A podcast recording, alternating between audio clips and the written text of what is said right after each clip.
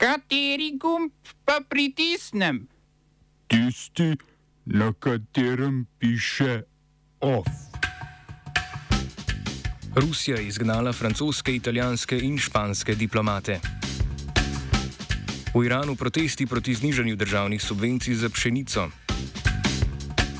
Evropski parlament podprl sankcije proti evropskim politikom v ruskih podjetjih. Več nevladnih organizacij nasprotuje imenovanju Tatjane Bobnar za notranjo ministrico. V kulturnih novicah razstava Infopoint kuratorske šole Svet umetnosti v galeriji Škuc.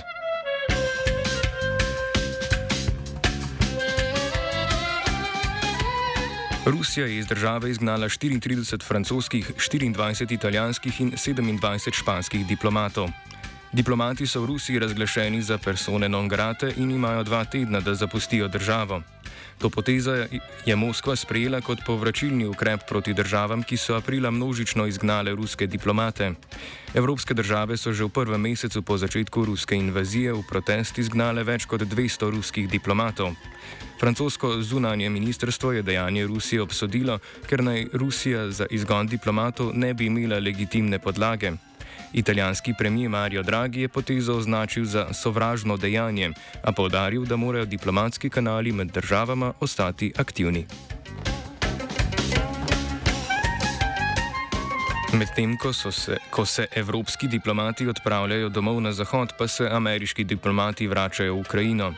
Ameriški senat je v sredo na mesto veleposlanice v Ukrajini potrdil karjerno diplomatko Bridget Brink, potem ko so ZDA po treh mesecih znova odprle svoje veleposlaništvo v Kijevu.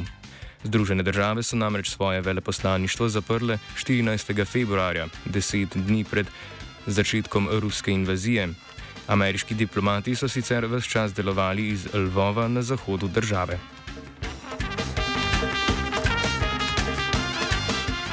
Poslanci Evropskega parlamenta so podprli uvedbo sankcij proti nekdanjim vodilnim evropskim politikom, ki še naprej delujejo v ruskih podjetjih. Evroposlanci so imeli pri glasovanju v mislih predvsem nekdanjega nemškega kanclerja Gerharda Schröderja in nekdanjo avstrijsko ministrico Karin Kneisel, ki še vedno zasedata položaje v različnih ruskih podjetjih. Poziv, ki so ga podprli liberalci, Evropska ljudska stranka, zeleni in socialisti, je del osnutka resolucije o socialnih in ekonomskih posledicah ruske vojne v Ukrajini za Evropsko unijo.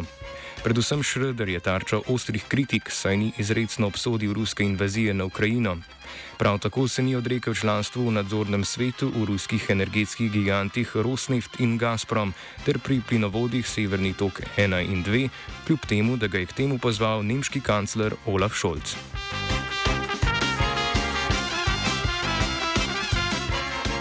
Francosko pritožbeno sodišče je potrdilo obtožbo sostorilstva zločinov proti človeštvu cementnega podjetja Lafarge zaradi domnevnih plačil islamski državi in ostalim oboroženim skupinam med vojno v Siriji. Ta odločitev naj bi odprla pot za nadaljne sojenje.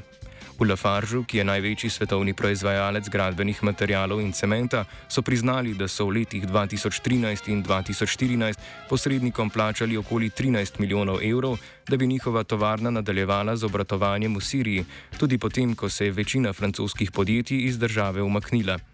Vodstvo Lafargea pa zanika, da je odgovorno za denar, ki se je znašel v posesti različnih terorističnih skupin med vojno z islamsko državo.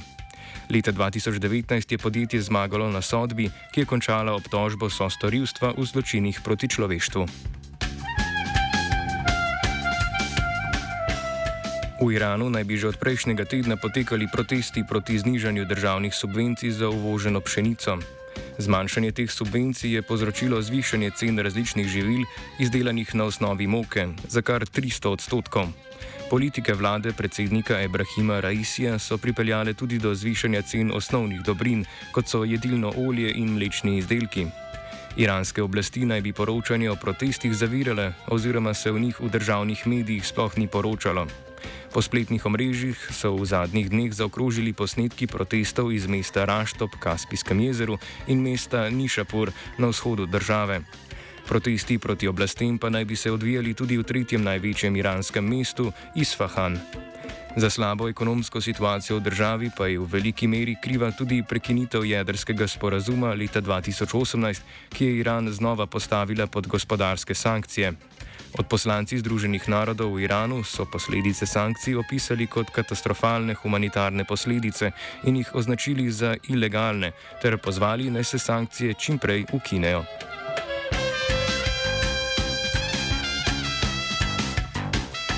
Guverner centralne banke na Šrilanki P. Nandalal Vera Singha je dejal, da bo ostal na položaju guvernerja, saj naj bi v državi v zadnjem tednu opazili napredek v politični stabilnosti.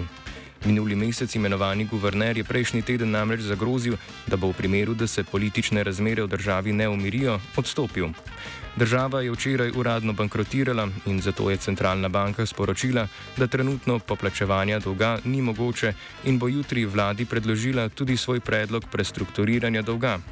Šrilanka je trenutno v primežu najhujše gospodarske krize od razglasitve neodvisnosti od Velike Britanije leta 1948, zaradi katere ljudje množično protestirajo proti predsedniku Gotabaju Rajapaksi. Njegov starejši brat Mahinda Rajapaksa je v prejšnji teden po izgredih v glavnem mestu Kolumbu odstopil z položaja premijeja. Oba, če, če bom odgovoril na angliški. Slovenija bo poskušala pomagati. Slovenija bo naredila naš utmost, da bo rekla, da je situacija naš problem, sami. In da bomo naredili nadaljnje korake, as soon as the conditions are. Bomo vlado Marjana Cererja, Marjana Cererja Šarca podprli. Zelo, zelo resno. Slovenija. We know how and we will. Danes je na Trgu republike potekala tiskovna konferenca, na kateri so organizacije, ki se ukvarjajo s človekovimi pravicami, izrazile nestrinjanje s kandidaturo Tatjane Bobnar za no notranjo ministrico v bodoči vladi. Bobnar Bobnar je namreč kot namestnica generalnega direktorja in pozneje kot direktorica policije v letih 2018 in 2019 s podpisovanjem direktiv sodelovala pri izvajanju množičnih izgonov migrantov.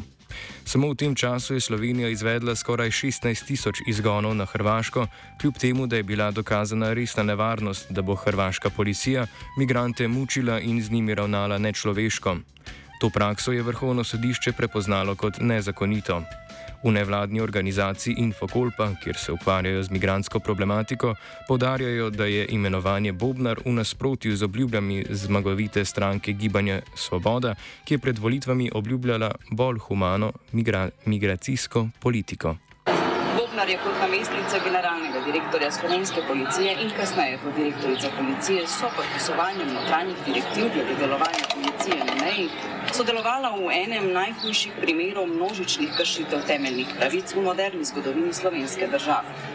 V času njenega dela na najvišjih mestih so policisti pričeli s prakso sistematičnega zavračanja prošenj za azil in izvajanjem izgonov. Samo v letih 2018 in 2019 je Slovenija izvedla skoraj 16 tisoč izgonov na Hrvaško. Kljub dokazani resni nevarnosti mučenja in nečloveškega ravnanja z migranti strani Hrvaške. Bobnar je neposredno soodgovorna za ustvarjanje smrtonosnih razmer na balkanski migracijski poti z zlorabo policije in usmirjanjem policijskih postopkov na način, da ti ne sledijo zakonskim pooblastilom, temveč predstavljajo neposredno kršitev univerzalne pravice do življenja in zaščite pred mučenjem.